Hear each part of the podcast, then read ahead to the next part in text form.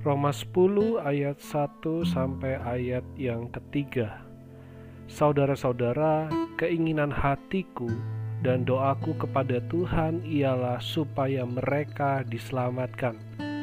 Sebab aku dapat memberi kesaksian tentang mereka bahwa mereka sungguh-sungguh giat untuk Allah, tetapi tanpa pengertian yang benar.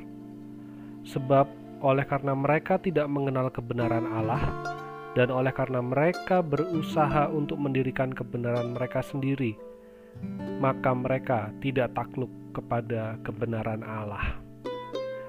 Paulus dalam bagian ini menunjukkan betapa inginnya dia agar mereka, yaitu orang-orang Yahudi, juga menerima keselamatan dari Allah di dalam Yesus Kristus. Ia bukan hanya ingin, tetapi ia menunjukkannya di dalam doa-doanya Paulus berdoa bukan hanya untuk pemberitaan Injil kepada orang non-Yahudi, tetapi Paulus juga berdoa agar orang-orang Yahudi menerima keselamatan di dalam Allah. Paulus melihat bahwa orang-orang Israel di dalam ibadahnya kepada Allah, di dalam menjalani hukum Taurat, mereka melakukannya dengan sungguh-sungguh. Tetapi Paulus menyayangkan bahwa mereka melakukannya tanpa pengertian yang benar. Ini merupakan suatu hal yang berbahaya. Paulus menyadari ini karena ia pun pernah mengalaminya. Sebelum berjumpa dengan Kristus, Paulus atau yang dikenal dengan nama Saulus, seorang yang sungguh-sungguh untuk Allah. Ia melakukan hukum Taurat, bahkan ia sampai mengejar-ngejar para pengikut Yesus untuk memenjarakan mereka, bahkan membunuh mereka. Semuanya Saulus lakukan dengan kesungguhan hati, namun tanpa pengertian yang benar akan kasih dan anugerah Allah. Kesungguhan hati adalah hal yang penting di dalam kehidupan dan ketaatan kita kepada Tuhan. Tetapi yang menjadi persoalan besar bagi orang-orang Yahudi tersebut ditulis oleh Paulus di dalam ayat yang ketiga. Paulus mengatakan mereka berusaha untuk mendirikan kebenaran mereka sendiri, tidak takluk kepada kebenaran Allah. Segala sesuatu yang tidak dilakukan untuk Tuhan berarti dilakukan untuk melawan Tuhan. Dalam pengertian lain, Paulus melihat bahwa sebenarnya orang-orang Israel sudah menyimpang mereka tidak lagi menyembah Tuhan, tetapi mereka sedang menyembah ketaatan mereka sendiri kepada Tuhan, dan akhirnya membuat mereka menjadi pribadi yang sombong, yang mengandalkan kekuatan sendiri, dan merasa sudah benar di hadapan Allah dengan perbuatan mereka sendiri. Ini juga menjadi berbahaya bagi kita di hari ini, orang-orang Kristen yang mengandalkan kekuatan, mengandalkan kesibukan pelayanan dan lain sebagainya. Tanpa pengertian yang benar, sebenarnya kita tidak sungguh-sungguh menyembah Allah.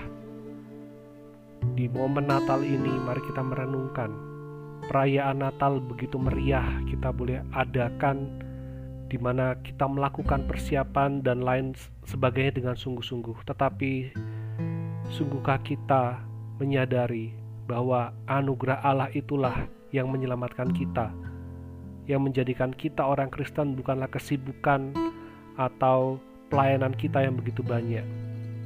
Yang menjadikan kita Kristen adalah Yesus Kristus yang mati untuk kita, Yesus Kristus yang datang ke dunia bagi kita.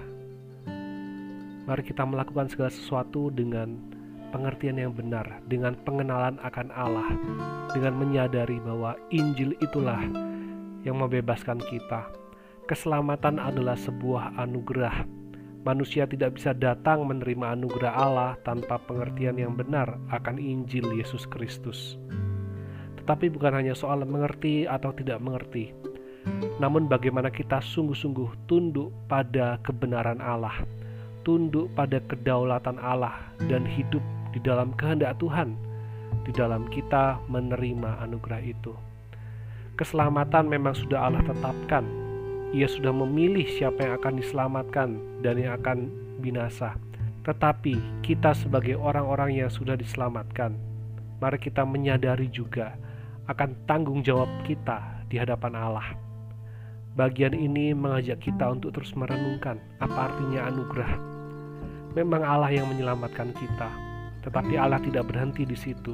Ia juga mau memakai hidup kita, mau memakai perkataan kita, mau memakai tingkah laku kita, mau memakai segala kesibukan dan ketaatan kita untuk membawa orang-orang pilihan Allah datang kepadanya.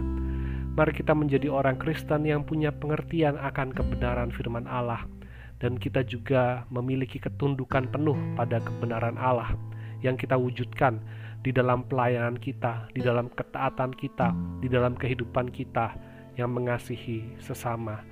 Biarlah bagian ini terus menolong kita di dalam kita merenungkan akan kelahiran Kristus. Natal adalah saat-saat di mana kita boleh menyadari bahwa Allah sungguh mengasihi kita dan kasihnya itu yang akan menolong kita, mendorong kita untuk bisa mengasihi sesama dan membawa banyak orang mengenal Allah yang datang menyelamatkan manusia. Segala kemuliaan hanya bagi Allah. Selamat menjalani hari, selamat menyongsong Natal. Tuhan Yesus memberkati.